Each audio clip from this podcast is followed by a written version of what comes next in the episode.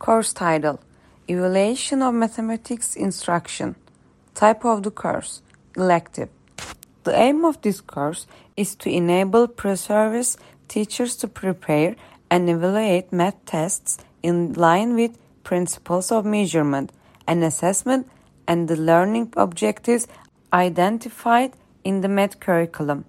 The content of the course is as follows. Middle School Math Curriculum Selection appropriate assessment items to measure specific learning outcomes. Formative and retention tests. Preparing and implementing math achievement tests and projects. Preparing and using rubrics. Analysis of TIMSS and PISA test items.